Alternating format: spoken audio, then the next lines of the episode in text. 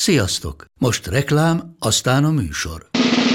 A műsor, valamint az élményekkel teli utazások, személyre szabott ajánlatok és állandó kedvezmények támogatója a Molmove hűségprogram. Nyisd meg a Molmove appot, a profilodba belépve add meg a kapod promóciós kódot, és tankolj Molevo és Evo Plus üzemanyagjainkból 15 forint per liter kedvezménnyel. Ne feledd, a kapod promókóddal most még jobban megéri Molmove tagnak lenni. Vége a reklámnak, jön a műsor. Köszönöm szépen! Önök az Életet filmje című est második felvonását, második részét látják. Az első részt a kamaszkornál hagytuk abba, és annak nyűgjénél és nyilainál, de minden nyűgje és nyomorúsága ellenére a kamaszkornak van egy óriási életre szóló ajándéka is. Kamaszként kapsz egy érzést, ami akkor tör rád először, és utána ahányszor megérzed az életben újra, és újra kamasznak fogod magad érezni. És ez a szerelem. A szerelem, ami a világ valamennyi élőlénye közül csak nálunk embereknél van jelen pluszban a fajfenntartás képletében, sehol máshol. A többiek ezt megoldják rideg ösztönből. Ha a himgalam felfújja a bögyét, a nőstények totyognak utána. Ha a szuka kutya tüzel, a kanok szaladnak rá, de nálunk embereknél ott van ez a plusz ami annyira megszépíti az egészet. Nekünk erre is külön szavaink vannak, mi nem párosodunk. Szerelmeskedés. Szerelmeskedés. Ez egy női kifejezés. Férfiaknak mondom, a szerelmeskedés az az, amit a nők csinálnak kúrás közben. Ugye annyira megszépíti a dolgot, de annyira meg is nehezíti, mert vagy az mondja, Istenem, nem merek hozzá oda menni, mert mi van, ha meg... Vagy pont az ellenkezője, hogy hát így aranyos, meg nyomul, meg minden, de most ez a foga így. És képzeld, ha az állatok is így működnének, a tacskódat nógatni kéne, hogy figyelj már, ott az a német juhász. Hát tüzel. Nem mész rá. Jaj, nem hoztam sámlit, jaj. Vagy drága pénzért időre egyeztetve vinnék a tenyészbikát rá a tehére. Büdös vagy. Vagy atyaég, akkor hova lenne a világ, ha nálunk embereknél tűnne el a szerelem, így egyik napról a másikra? Hova tűnne a művészet, a szépség, a költészet, a dráma, a szenvedély? Shakespeare, Romeo és Julia egy mondattal le lehetne rendezni. Rómeó egy mulatságon pillantotta meg Júliát, de mivel az nem tüzelt, le se szarta. József Attila, Óda. Megbaszlak. Kész, ennyi. Ez egy sokkal szebb vers, olvassátok majd el otthon. Ez a legszebb magyar vers, de hova lenne a szépség? És az a nagyon nagy baj a szerelemmel, hogy egész más, hogy értelmezed, ha fiatal vagy, meg akkor, ha idősebb. Más, hogyha fiú vagy, más, hogyha lány vagy. Mert ugye hogy beszélsz még fiatalon, 17 évesen telefonon a szerelmeddel, én szeretlek jobban, nem, én csak jobban szeretlek. Nem, tegyük le, tedd le, te, te, te, tedd le, te, hát tedd le, te háromra, egy, kettő, he? Mit csaltál? Hogy beszélsz 40 évesen telefonon a szerelmeddel? Hát szokértem ne hülye, ha családomban vagyok.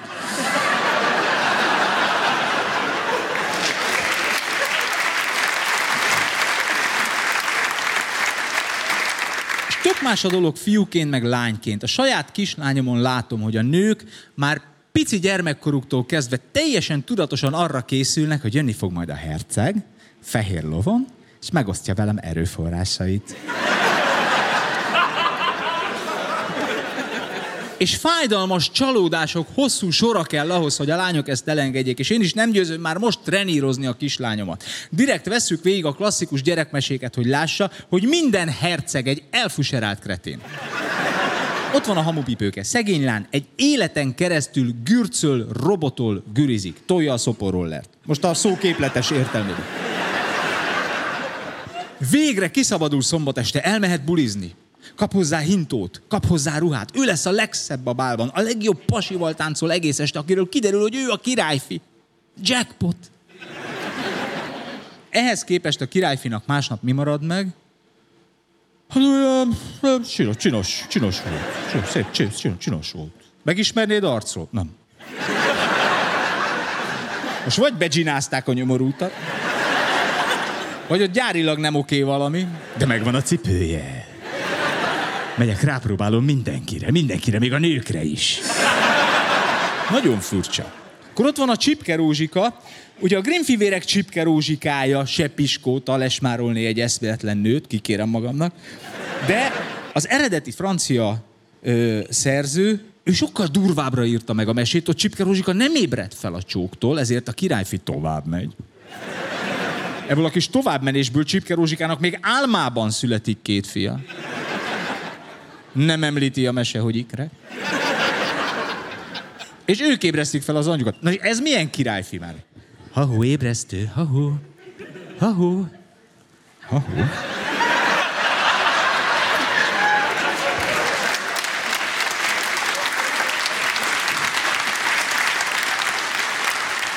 A szerencsétlen nyomorú, azt hitte nem látja senki, erre mesét írtak belőle. És mindközül a legdurvább, és ezt halál komolyan kikérem magam, az ízléstelenség ne továbbja, a hófehérke. Mert a hófehérke szempontjából ez egy csodálatos történet. Innen indul, ide érkezik. A mostoha meg akarja öletni, de a vadász megkegyelmez. A törpék befogadják. Aztán a mérgezett almával döccen a történet, de aztán döccen a koporsó is, hófehérke feltámad, visszatér a halálból. Rámosolyog a királyfira, ellovagolnak. De hol volt hófehérke teljes káváriája alatt a királyfi? Otthon melegedett, anyuci kedvence, az a férfi, aki jó nevelést kapott. Valószínűleg bármelyik nőt megkapná a birodalomban, ő fogja vezetni a birodalmat. Egy délután az erdőben lovagolgatva. Mire gerjed rá?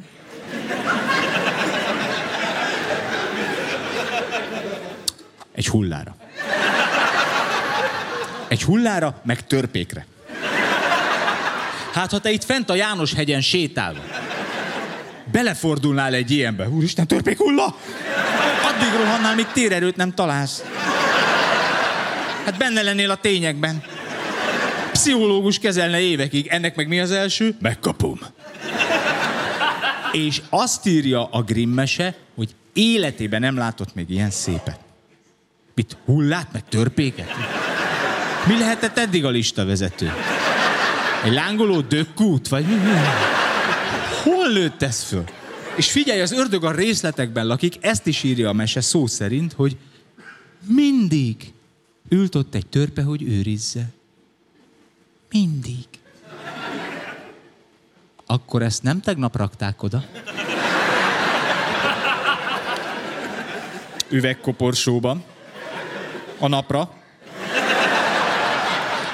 De ez nem egy gyerekmese, ez a Lenin mauzóleum. Ez a szerencsétlen meg oda megy, és szó szerint ezt mondja a törpéknek, nem élhetek hófehérke nélkül, adjátok nekem, hadd vigyem haza atyámhoz. Nekem két fiam van. Ha bármelyik hazahoz nekem egy ilyet, én kitagadom. Itt előbb jön a szag, utána a törpék, Apa, ő az, akiről már annyit meséltem. Van hely a fogyasztóban? Én kitagadom. És ezért nem győzöm mondani már most a kislányomnak, nincs olyan, hogy királyfi fehér lovon. Ha királyfit látsz jönni fehér lovon, menjél el onnan. És olyan sincs, hogy megcsókolod a békát, és királyfi lesz. Olyan van, hogy 30 éve megcsókoltad a királyfit, és most itt ülsz egy békával. Olyan van. De ez a valóság, lányok, ébredjünk fel. A fiúk részéről meg azért nagyon nehéz ez az egész szerelmes mert ha lenne egy gép, ami lefordítja azt, hogy mire gondol egy nő, miközben mozog a szája. Annyival könnyebb lenne mindenkinek. Így odamész a csajodhoz, bébi, szökjünk meg, így ahogy vagy, menjünk, ugráljunk Horvátországban, sziklákról a tengerbe, barangoljunk Peruban, másszunk vulkán Szicíliában. Mi lesz a női válasz? Hülye vagy? Ebben a cipőben? És semmi sem lehet elég jó. Semmi sem, mindig valamibe bele lehet kötni. Nálam otthon is ugyanez, nem tudok elég jót csinálni. Van az a mondás, hogy majd találkozunk oda át. Nem tudom, kell-e. Én látom magam 40-50 év múlva, ott állok az örök világosságban. Örök világos, kész. Oda annyi kell, nem kell semmi. Ott állok, boldog vagyok. És egyszer csak megjelenne az asszony. Na hello!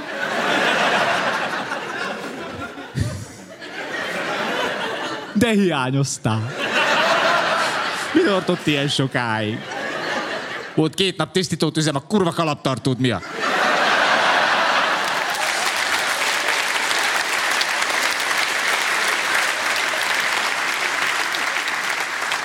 Majd valamibe biztos belekötne. Ez mi? Örök világosság. Aha. És félárnyékban nem találtál helyet? Biztos ott is valamit rosszul csinálnak, és van a nőknek egy olyan különleges képessége, minket férfiakat három mondatból úgy be tudnak kergetni a segfej labirintusba, napokig te vagy a legnagyobb büdös paraszt akaratodon kívül. Hazamész a legjobb szándékkal, de tényleg a legjobb szándékkal. Szia, hoztál kenyeret? Hoztam. Miért ilyet hoztál? Jó, akkor nem hoztam. Figyelj, neked most mi bajod? Nekem? Neke, nekem semmi. Idegbeteg paraszt.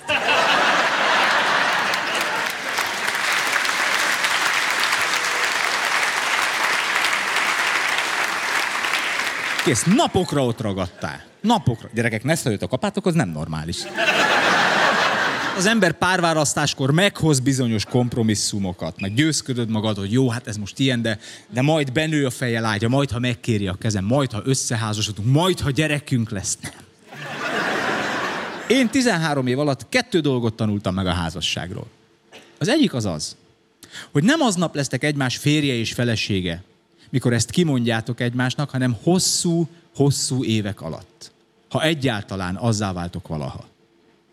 A másik, tök jól hangzik az, mikor álltok az oltár előtt, vagy a Miss önkormányzat előtt, hogy jóban, rosszban. És akkor el is képzeled, hogy a, a ti szerelmetek egy erős várfal, és majd a rossz hullámai kívülről, de ti majd együtt belülről, nem kívülről, ti fogjátok a szart egymás fejére borogatni. Ti lesztek az a rossz, amiben mégis ki kell tartani egymás mellett. Meg majd, ha gyerekünk lesz. Ha még nincs gyereked, vagy ha már van, de nagyobb bacska, úgy előrefele is úgy képzeled, meg visszafele is úgy szépíti meg az idő, hogy ez a kis rózsás arcocska, azok a kis maszatos kezek, az a kis élet, ami betöltötte a nappali. Ha meg éppen ott vagy benne, akkor az idegállapotoda, ezzel a pár szóval lehet a legjobban leírni, hogy megölem, bazd meg! Majd rögtön a döbbenet és az önvád. Úristen, ezt én gondoltam, milyen szülő vagyok én. Téped meg a ruháidat, elvársz valamit magadtól, te elvár az anyád, az anyósod, a férjed, az iskola, az óvoda, a gyereked, a saját három éves gyereked olyanokat tud tőled elvárni, főleg ha elkövetted azt a hibát, hogy elolvastad neki az Anna Peti Gergőt. Ugye, szülőtársak? Van egy, aki nem ismeri, elmondom, van egy Bartos Erika nevű írónőnk, akinek a bogyó és babócát is köszönhetjük. Ugye a karakter nélküli rovarok. Nevük van, jellemvonásaik nincsenek. Csak így el vannak nevezve, hogy Döme a krumplibogár, Laci a lapostető, mit tudom én. Átaludtam. Nézz utána, megéri.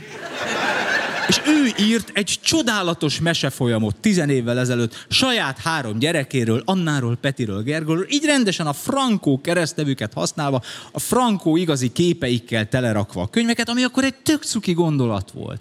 Mert ugye akkor még nem volt Facebook, akkor még így lehetett posztolni, és biztos úton útfélem megkapta, hogy jaj, de szép család, gratulálunk hozzá, és biztos tök jó érzés lehetett. Csak ezek a gyerekek makamaszok.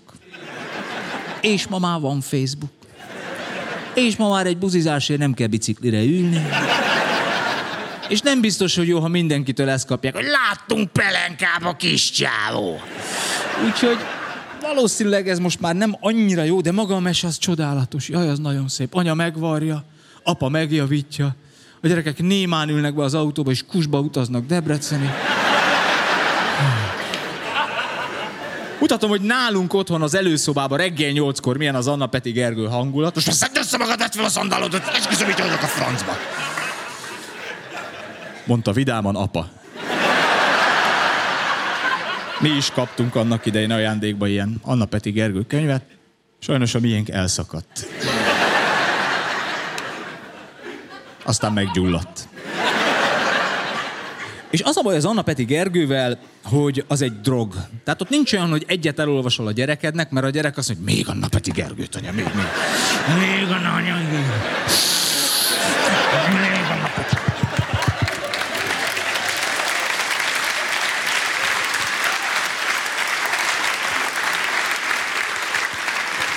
És a gyereknek fantasztikus tripje lesz tőle, és onnan visszaszállni a rideg valóságba, hogy elolvasod a gyereknek a szilvás gombóc főzést. Utána te leszel a legszarabb szülő a világon.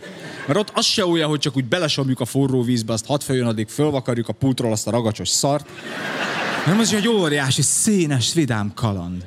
És elolvasod a gyerekednek, és a gyereked utána azt fogja gondolni, hogy szilvás gombóc főzés. Ilyen is lehet. Anya, ezt eddig mi miért nem így csináltuk? Hát azért, mert nem lehet, mert ez egy mese. Viszont amit ilyenkor a gyereked érez, az pontosan ugyanaz az érzés, mint amit apa érez, mikor nézi a pornót. Mert apa nézi a pornót. És pont ezt gondolja közben, hogy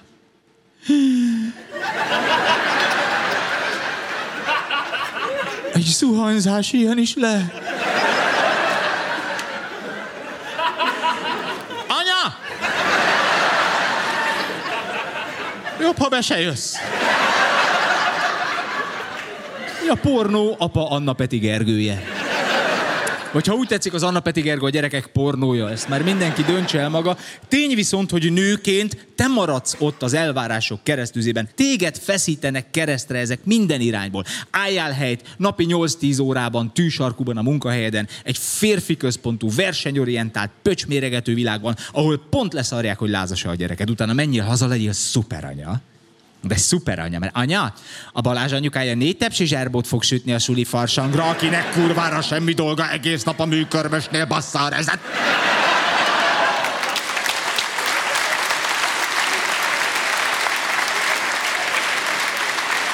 Akkor te hány kókuszgolyót fogsz pederni éjjel?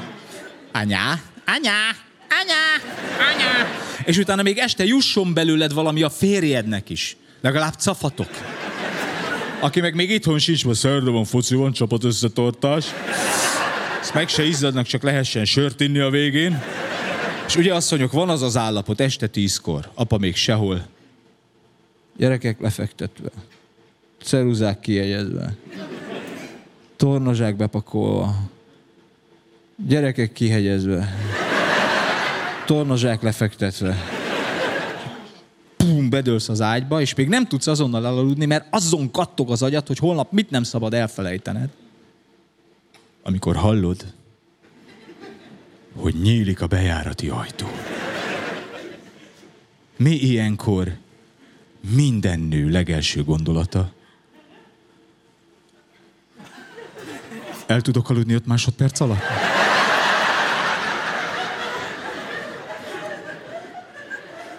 Akkor úgy teszek. És fekszel ott csukott szemmel, és hallgatod, ahogy ez az állat jön végig a lakáson. Lakossági Godzilla. Apa King Kong. És közben megy föl benned a pumpa. Nem hiszem el, miért nem tudja csendbe levenni a cipőt. Be ne menjen a gyerekek, bement a gyerekek. Rálépett a legóra. Mekkora kretén. Nem hallom az uhanycsobogást, de ekkor apa már ott áll az ágy végébe. Walking Dead.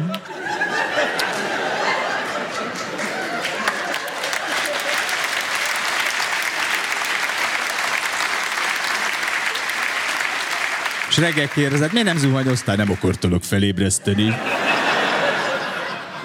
És elmondom asszonyok, ilyenkor egy nő nem tud olyan testtájékán feküdni, hogy apa ne azt érezze, van remény. Mert ha véletlenül a hátadon felejtetted magad, akkor apa már eleve így nyit be a hálóba, hogy hm, svéd asztal. Ha direkt a hasadra fordulsz, mert azt hiszed ravasz vagy, akkor apa azt gondolja, hogy nocsak, nocsak. A kenyér ma a vajas felére esett.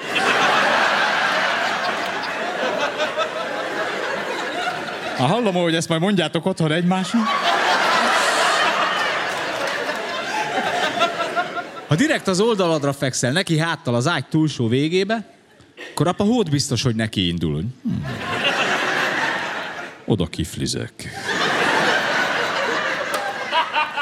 És recsegve, ropogva, szuszogva mászik be mellé. És ekkor kezdődik az a párbeszéd, ami a világ minden pontján, minden nyelvén ugyanúgy hangzik. Hmm.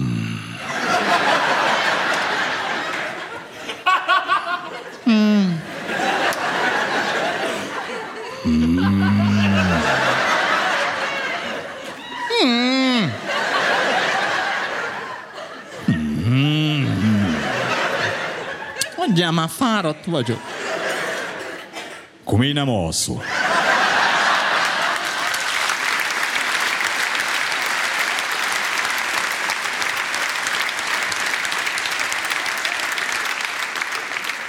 Persze vannak jó családok, meg kevésbé jó családok. Vannak családok, ahol a kirakatban minden rendben, aztán hátul omladozik az egész. De vannak pillanatok, amikor egészen egyértelműen kiderül, hogy ez egy jó család, vagy egy rossz család. Ilyen például a karácsony. Ugye a karácsony, amit szokás hívni a szeretet ünnepének is. Akinek van felesége meg pici gyerekei, az tudja, hogy ez így nem egészen pontos. A karácsony az nem a szeretet ünnepe, az a család ünnepe. Szenteste a családoddal vagy, nem pedig azokkal, akiket szeretsz. Jó, ez így erős nyilván ez a poén része, de nézzük meg férfi szemmel, hogy mi a család. Férfi szemmel a család az az anyának és a gyerekeknek egy olyan meghitt szeretet buboréka, ami körül apa téblából. Úgyhogy ott vagy, hogyha kell lesz, meg hazaadod a lóvét, meg te vezetsz Balatonra, de te úgy, ott úgy, úgy igazából soha. És ahonnan az egész karácsony indul, már a Szent családnál is pontosan ez volt a helyzet. A szűzanya megszülte Isten fiát, a kis Jézust, és Szent Józsefhez igazából egyiknek se volt semmi köze. És aztán mi lett? Jézus feltámadt, fölment a mennybe, Szűzanya évekkel később fölment, nem tudom, hogy tényleg ilyen a hangja.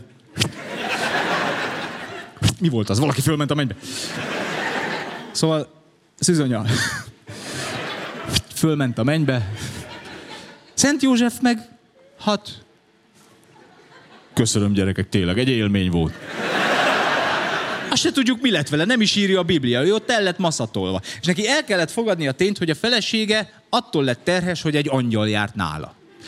Hozzáteszem, Gábriel Arkanyaltól nem volt túl tökös dolog Máriához menni. Ott könnyű egy ilyen hírrel népszerűnek lenni. Üdvözlégy Mária! Szervusz angyal! Fiút fog szülni, akinek az Úr az atya, és ő lesz a megváltó. De hisz ez csodálatos, ugye? A férjednek majd mondd el te. És aztán jönnek a három királyok, meg a pásztorok a betlehemi istálóba. Ők is a szüzanyához jönnek, és a kis Jézushoz. Egyik se Szent Józsefhez, aki csak ott biodíszletként áldogált ott a, az állatok között, vagy, vagy, vagy hátul cigizett az istáló mögött. Szerintem őt ennyivel elintézték, hogy jaj, de édes, a pici anyuka is jól van. Hoztunk ajándékot. Angyal, mi? És gondolj bele, így tolta végig az egész életét, hittel meg erővel, nekem ő az én személyes hősöm, és mi férfiak azóta is ilyen Szent Józsefekként keressük a helyünket a saját pici kis megváltóink körül, különösen karácsonykor. Nekem apám jó volt. És tudom, hogy nem vagyok azzal egyedül a teremben, hogy több olyan karácsony is volt életemben, ha épp nem az összes, amikor apám már délután segrészegen ült a fotelban. És ez nekem annyira fájt, hogy miért csinálja ezt velünk még ilyenkor is. Miért nem bír ki legalább egy napot? Miért nem kaphatjuk meg legalább ilyenkor őt? Miért megint ezt a bódult valamit kerülgetjük helyette? Miért nekem kell elvégeznem azokat a feladatokat, amiket máshol a felnőttek csinálnak? Annyira méltatlanak érzem, és annyira fájdalmasnak. De most hogy van három gyerekem? Én lehet, hogy idén kipróbálom. Képzeld, fények, illatok, zene, és én már meg vagyok, gyerekek. Én... Apának már jött az angyal, én már... Én most vagyok 41 éves, és a 40-es éveimre ezt a mottót választottam, hogy én már meg vagyok. Most arra így kialakult minden. Ez itt a munkám. Ez az otthonunk. Ők a családom. Ha olyan nagy hülyeséget nem csinálok, ez már olyan nagyon változni nem fog. De akkor mi lesz a következő 40-ben? Vagy ennyi volt. Olyan érdekes, hogy 20 évesen még nem tudod azt, hogy majd mit. Csak azt, hogy miért. Gyerünk, csináljuk. 40 évesen már megvan az, hogy mit. De már egyre kevésbé tudod azt, hogy miért. 20 évesen még mindenki bele akart pofázni az életedbe, pedig köszönöd szépen, te megoldod lendületből. 40 évesen már senki nem mer. Pedig most lenne rá igazán szükség. És én már nem tudom megkérdezni sem édesapámat, sem édesanyámat, mert egyikük sem él már. Hogy ti mit csináltatok 40 évesen? Jó, apám részegen ült a fotelban. De ilyenkor gondolja azt egy 40 éves férfi, hogy basszus, ennyi volt. Tehát én még fiatal vagyok. Én még erős vagyok. Hát nekem a tévében még van hajam. Én ezt meg tudom csinálni még egyszer, még kétszer is akár. És akkor mit csinálsz? Lelétszelsz otthonról, összejössz egy 27 éves csajjal, visszalépsz a startmezőre, nekiugrasz még egyszer. Minek? Úgyse lesz már olyan, mint először. Neki igen, de neked már nem. Ha én 27 éves csajra vágyom, tudjátok, mit csinálok? Előveszem az asszony régi fotóit.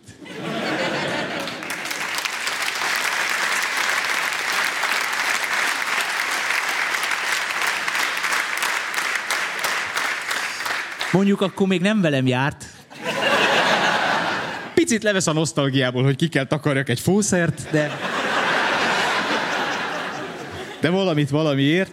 És mondják, hogy 40 fölött már a lemez B oldala forog, meg így az öregedés, úgy az öregedés. Apró jeleit veszem észre magamon az öregedésnek, amiből már körülbelül össze tudom tenni, hogy miről fog majd szólni ez az egész. Az öregedés lényege az, hogy ami fölösleges belőled, az szépen lehullik rólad. Nálam kezdődött a hajammal, aztán, hogy jönnek a fogaim, és amin végképp megérzed, hogy megöregedtél és fölöslegessé vált, azok a tanácsaid.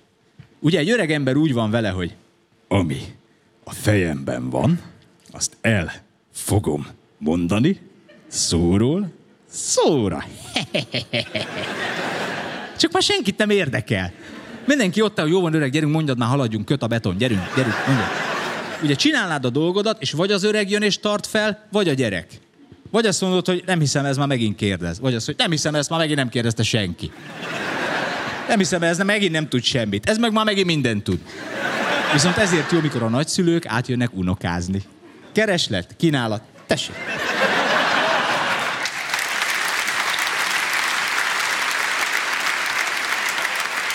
Viszont olyan érdekes, hogy egy csomó fiataltól hallom azt, hogy félnek az öregektől. Félnek az öregektől. De van valami, amiben fiatalok nem gondolnak bele, az úrra nézek. Hogy ugye, hogyha csak így átadja magát egy élménynek. És épp semmi nem emlékezteti önt az életkorára. Se a dereka, se a vérnyomása, se a bunkó humorista a színpadon. Hanem tényleg csak úgy önfeledten szórakozik. Ugye, hogy belül lélekben. Egy nappal sem érzi magát öregebbnek mondjuk 20 évesnél. És ez a méltatlan az öregedésben, hogy minden öregedő, minden elmúló testbe be van zárva egy ugyanilyen fiatal lélek, amelyik azt gondolja magában, hogy mi a tököm? Hello, hello, hello. Ha-ho, ébresztő. Főnök szarakodik a gazda test. És ezt hagyján, hogy magadon, de amikor másikra rálézel. Iccasíts meg, mi történt? Mi az, hogy mi történt, Véneber? Hogy nézel ki? Töröd meg az orrot, szedd fel a helyreidet a földről. Vá! És ugye öregkorra marad egy ilyen basszuság benned, egy ilyen rettenetes hiányérzet. Most kéne boldognak lennem. Miért nem? Ledolgoztam egy életet. Szorgalommal, becsülettel felneveltem a két gyereket, kibírtam emellett a vén hülye mellett. És akkor miért van ez az űr? És megnézed a Szulejmánt, nem tölti be. Megeszel egy vienetet, nem tölti be. Földíszíted a csajokkal a templomban az oltárt, nem tölti be. És ilyenkor szoktak kultúrált nyugati jómódú nyugdíjasok elmenni óceánjáróhajóra, ahol kokainoznak. Magyarországon meg mi marad? Rendelek a telesóból. GLS futár az én dílerem. Várod, hogy jön-e már, nem tölti be, nem tölti be. És én öreg anyám is ilyen volt. Ilyen szikár, ilyen geci vénasszony. Sose felejtem el, apám, meg keresztapám, a saját fia és a saját veje, neki betonozták a kerítést. Így ment el mögöttük. Két buzi.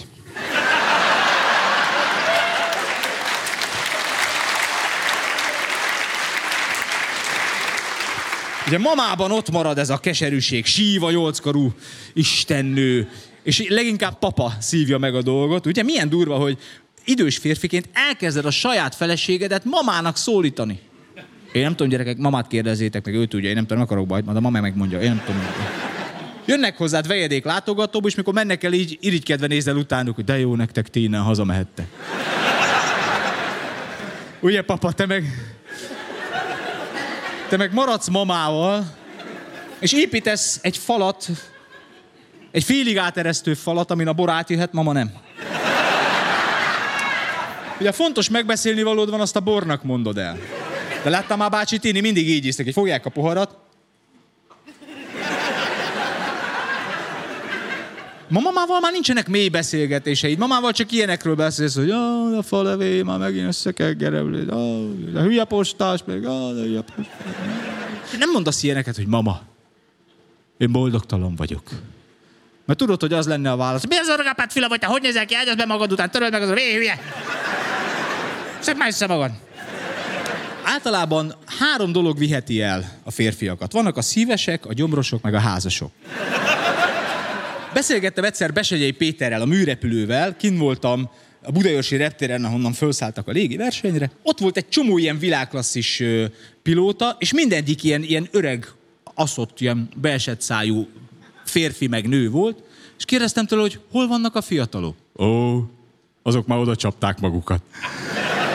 Hogy ezt, ezt meg kell érni, és a házasság is pont ilyen, hogy érted, vagy, vagy megéred, vagy nem. De azért idősen a szerelem is egész más, nem? Tehát ott már nincs időtök, ott már hajrá van, izgalom. A másik teste olyan, mint egy térkép, kifeszítve egész mást mutat. Az a kis szívdobogás mároláskor, hogy vajon utána hány fogsor lesz a szádban. Olaszországban, ahol a kölkeimet vittem, ott a parti presszóban álltam sorba kávéért, és előttem egy ilyen kis szalmakalapos 80-as olasz bácsi kis vékony fehér bajusszal kért két kapucsinót, és ott ízesítgette, és gondoltam magamba, ó, de drága, egyiket viszi magának, másikat a mammának, és már tudja már több évtizede, hogy hogy issza a mama.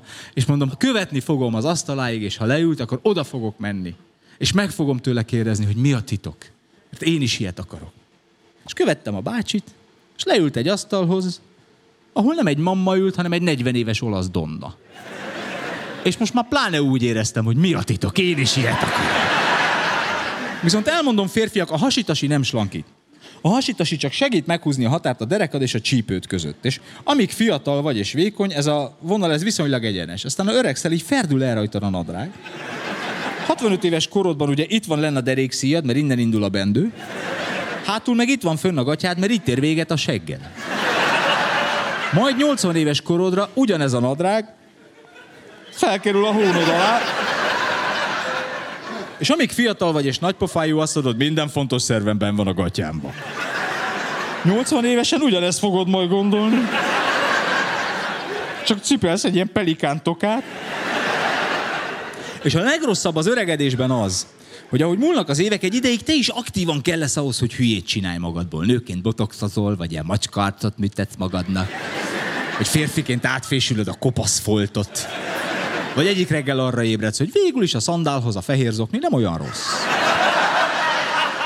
És én is biztos ilyen vén hülye leszek. Jönnek majd a kislányom barátnői napozni, meg majd biztos megjelennek ott, hogy sziasztok lányom. Bondibá vagyok, tegezzetek nyugodtan. Nem zavar, ha addig lenyírom a füvet. Viszont egy bizonyos életkor után neked már nem kell hülyét csinálni magadból, mert a tested ezt megcsinálja nélküled is. És te csak tehetetlen kívülállóként szemlélet, hogy mi történik. Keresztapám, a már említett keresztapám, most 89 éves. És most cserélte le a szorosan gumírozott alsógatjait ilyen könnyű hapsajem alsókra, és nagyon imádja őket, mintha rajta se lenne. Nem dörzsöl, puha, szellős, jár a levegő, nem szorítja el a gumi. Nagyon szereti. És az öreg reggelire kávé, kefir, lekvár, lágy tojás kombóval. Purgál. Mintha nem lenne holnap. Ott már nem kell meghúzni, érted? Csak, csak állj el az útból. És egyik reggel is így megmozdult benne a dolog, rohant a vécére, iparkodott, száguldott, suhant. Odaért, nagyon fontos, odaért, letolta a macinacit, elintézte, amit el kell, majd gondolta, hogy megkukkantja mert az egészségügyileg fontos. És oda nézett,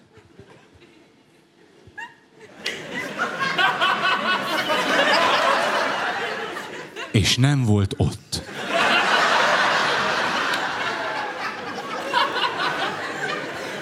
És ami szépkorú kalambunk, elkezdte fejben lepörgetni a lehetőségeket. Elbújt. Megszökött. Ki se jött. De kijött, érezte, hogy sokkal jobb, úgyhogy neki állt keresni. És kettő dologra jött rá egy szempillantás alatt. Basszus, a habsajem alsó fönnmaradt.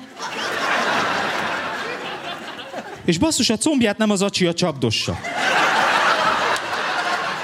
És ugyanígy röhögött, mikor ezt elmesélte.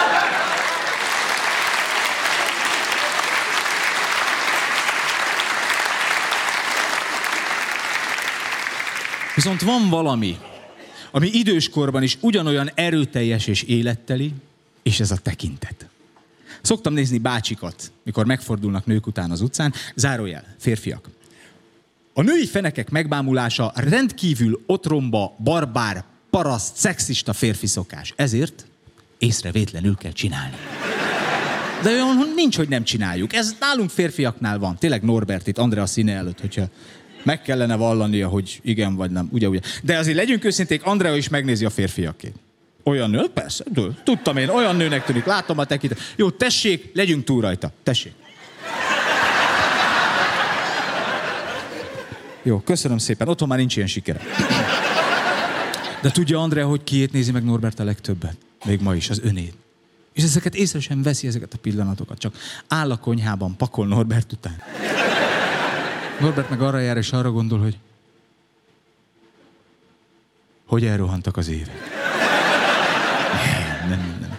De nálunk férfiaknál ez van, és egyébként ennek azért túl sok jelentőséget mi férfiak sem tulajdonítunk, és ezt nem is kell túldimenzionálni, hogy alantas szexuális vágyainkat fálkorbácsoljuk, és a nőket letargyasítsuk. Ez nem olyan bonyolult, ez tényleg csak annyi, hogy kész, ennyi, ennyi, ennyi. Kijön a pincérnő, jó napot ide mit hozhatok? Egy bécsi szeletet uborka salátával. Köszönöm. Kész, ennyi. Már fönn van felhőben. És nem is azzal van a baj, ha észrevétlenül oda sandítasz, és nem győzöm magyarázni még most az óvodás kisfiamnak, hogy a maga kis 115 centiével milyen szerencsés életszakaszban van. Nem tud máshova nézni. És ha így fejjel hátulról nekirohan egy anyukának, akkor is max az a reakció, hogy jaj, de édes vagy. Én ezt már hol engedhetem meg magamnak? Szóval nem is azzal van a baj, ha észrevételül oda sandítasz, hanem ha ennek hangot adsz, meg cicceksz, meg beszólogatsz. Ami jellemzően melós szokás. És ugye a melósok is jellemzően akkor csinálják, ha többen vannak. Mert ez inkább egymásnak szól, mint a nőknek. Amiben az a durva, hogy Fateron melós volt, sofőr volt, és ha már én ilyen 5-6 évesen vele voltam, ez már neki elég volt ahhoz, hogy úgy érezze, hogy többen vagyunk. És nekem az 5-6 évesnek mondta, oda is hidrobbantó, mi? Jön a pótmol szolgálat. Óriás van a parton. És úgy féltem, hogy egyszer oda jön egy nő, és mindkettőnket tökörül. Apámmal kezdi, szégyelje magát. És te is. De nem így lett szerencsére, viszont azt el tudom képzelni, hogy nőként az milyen érzés lehet, hogy mész az utcán. Van egy tök sima útburkolatjavítás, és úgy kell mellettük elmenned, hogy meg ne szólaljanak, csak az ebráig meg ne szólaljanak. Holott meg is állhatnál. Vissza is fordulhatnál, és tök simán mondhatnád azt, hogy hé, öcsi, tudod te mi az, ami olyan kemény, olyan hosszú, és olyan vastag, hogy két kéz kell hozzá? Neked a lapát.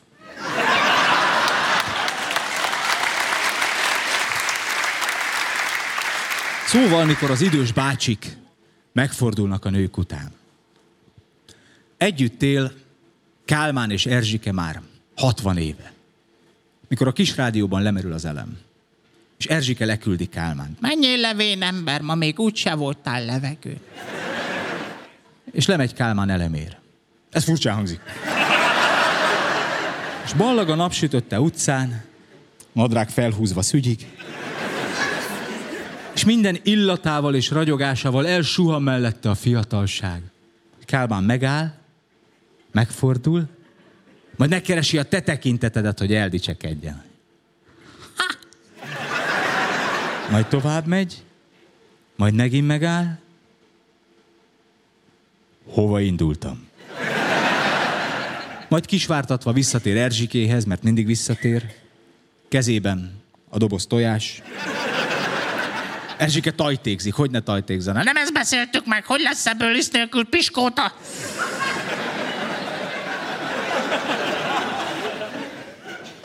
És ez az ő kis csendes öregkoruk.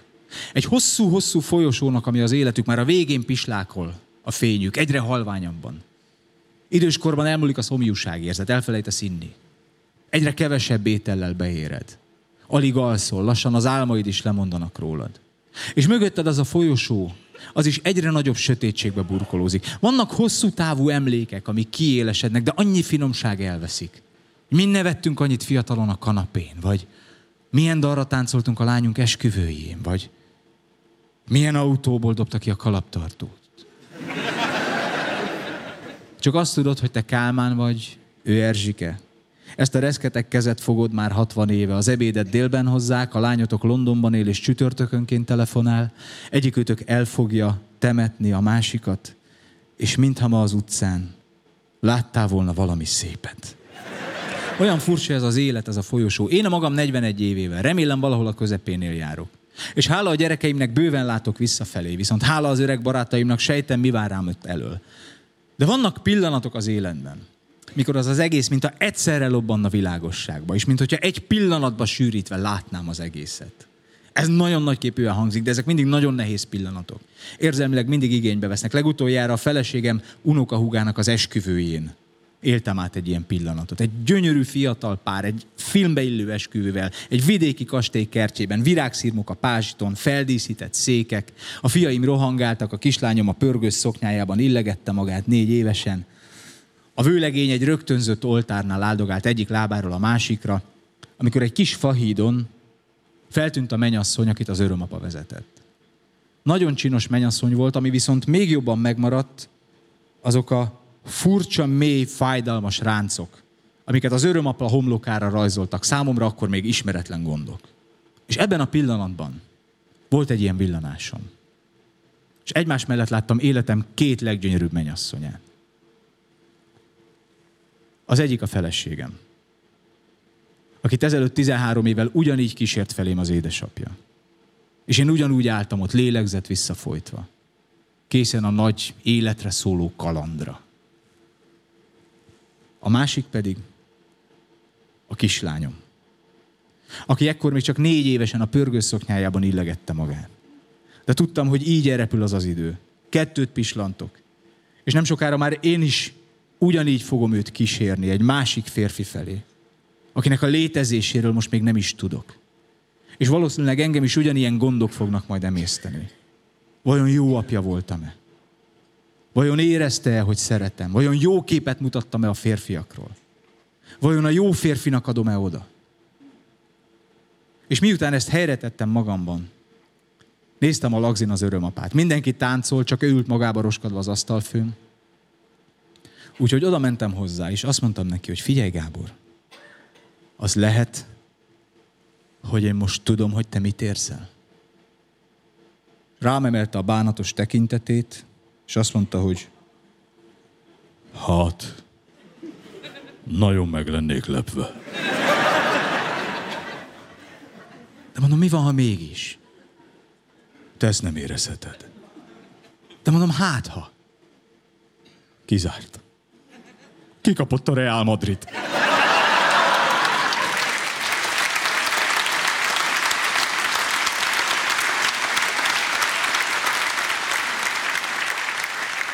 Ilyen az, ha túl sokat próbálok egy-egy pillanatba képzelni.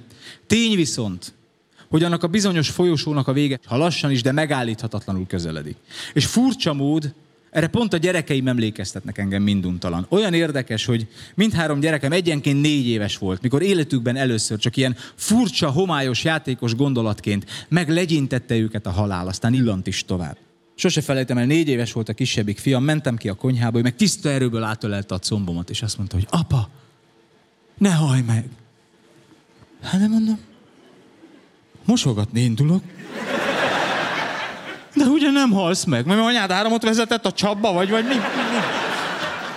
De ugye nem ma fogsz meghalni, holnap már lehet? És ez a különbség, hogy ez a gyerek még nem tudja, mi lesz holnap, csak még ma ne halljak.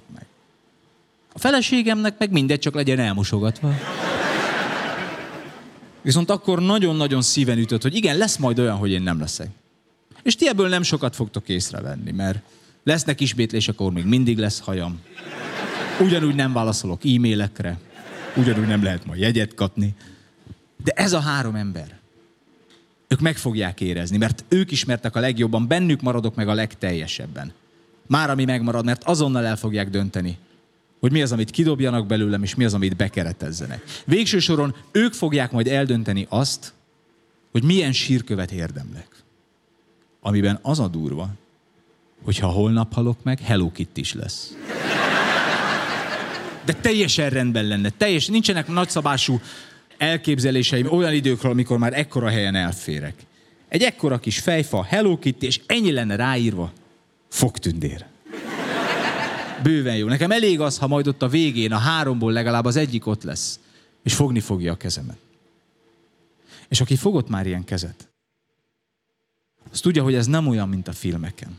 Hogy a család körbeállja a családfőt, és lesik az utolsó szavait, hogy a pinkódot, fater, mi a pinkód?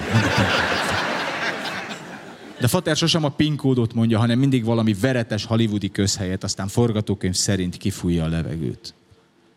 Aki fogott már ilyen kezet, az tudja, hogy ez a kéz, ez sokszor már hideg. Mert az élet már lassan húzódik vissza. Talán még a könnyéknél vagy a válnál találsz valami melegséget. Lehet, hogy ő már nem mond semmit. Lehet, hogy már nem is lát, vagy nem is hal téged, mert az agy már lassan kapcsolja le a rendszereket. És te csak ülsz ott a sötétben. Hallgatod a lélegzetvételeit, és nem tudod, hogy melyik lesz az utolsó. De mindegyiknél azt kívánod, hogy csak még ne ez legyen. És ekkor elkezd leperegni az a bizonyos film. De nem neki, hanem neked. A gyerek szobád. Fürdett téged. Utadra enged. Bemutatod a mennyasszonyodat. Játszik az unokákkal. Tegnap még kiült az ágy szélére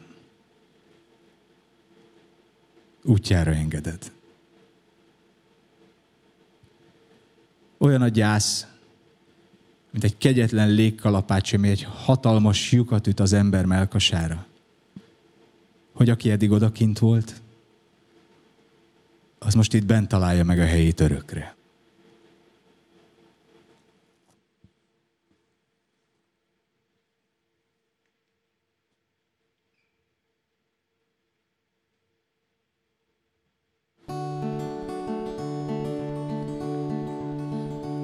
Anyám a nyugdíjából cserélte le a véngáz tűzhelyét mondván, a sütemény teteje nyers marad, az alja meg lehég, így aztán hitelre újat vásárolt és nagyon megörült, mikor az új sütőből egy tepsi féle fiók előkerült, azt mondta a régihez is ilyen tepsit adtak, ez aztán igen, de a szerelő lendítette túl ezen a gyakori tévhiten, mondván ez egy eloszlató, ha ez nincs bent, ugyanaz lesz, mint rég, hogy a sütemény teteje nyers marad, az alja meg leég.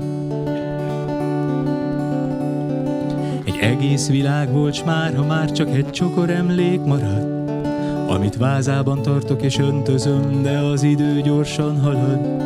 A kis kertjében dudva nő, a lekvárja elfogyott, de addig itt van ő, amíg én is itt vagyok. Apám sofőr volt a Rákóczi téren, egy piros ladában ül, még a vásárcsarnok sűrűjében a főnöke elmerül. Mikor a szélvédőre rátapadt egy könnyű vérű nő, Rákóczi térhen 84-ben ez nem volt feltűnő, azt mondta, jó szex nem érdekel, ez nem apám száját hagyta el. Apám így felelt, köszönöm, de biztos nem érdekel. Te úgy se tudsz, ugye, hogy én szeretem, hiába minden. Miért te hogy szereted? kérdezte a nő, és apám így szólt, ingyen. Egész világ volt, s már, ha már csak egy csokor emlék marad, amit vázában tartok és öntözöm, de az idő gyorsan halad. A ladája régen rozsda már, a jogsia megkopott, de addig itt van ő, amíg én is itt vagyok. Apai nagyanyám 1910-ből származott, nélkülözéssel és harccal töltve a 20. századot. Többször elvesztett mindent ingyen, semmit sem kapott, Igazi szikárkonok öreg asszony volt, egyszer felpofozta a papot. 1986-ban a palacsintáját ettem, baraclekvárral mi mással. S csendben megkérdeztem, kakaós nincs, s rám nézett, ő a szép korú, azt mondta, tudod mi kéne neked? Egy jó kis háború. Egy egész világ volt, ahogy én is egy egész világ vagyok. Egy csokor emlék leszek, aztán meg semmivé porladok. Én nem tudom, lesz-e túlvilág, s hogy milyen szobát kapok. De amíg te itt vagy, addig én is itt vagyok.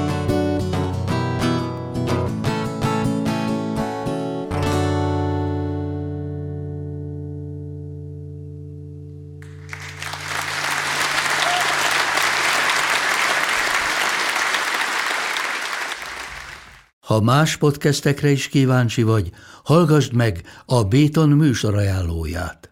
El tudod képzelni, hogy a podcastet, amit éppen most hallgattál, fél év múlva már a mesterséges intelligencia generálja? Mi sem. De ha érdekel, eljött már a gépek lázadása. Hallgass bele az Embertelen podcastbe. Orsós Lajos vagyok, a műsor házigazdája. Egyelőre még élőben. Egyelőre. Fedezzük fel együtt, hogyan ismerkedik, randizik, mesél és vitatkozik Betty és Péter, két teljesen mesterséges intelligencia. Lajos, a podcast címét mond még egyszer, Léci. Oké. Okay. Embertelen podcast. Ez a műsor a Béton közösség tagja.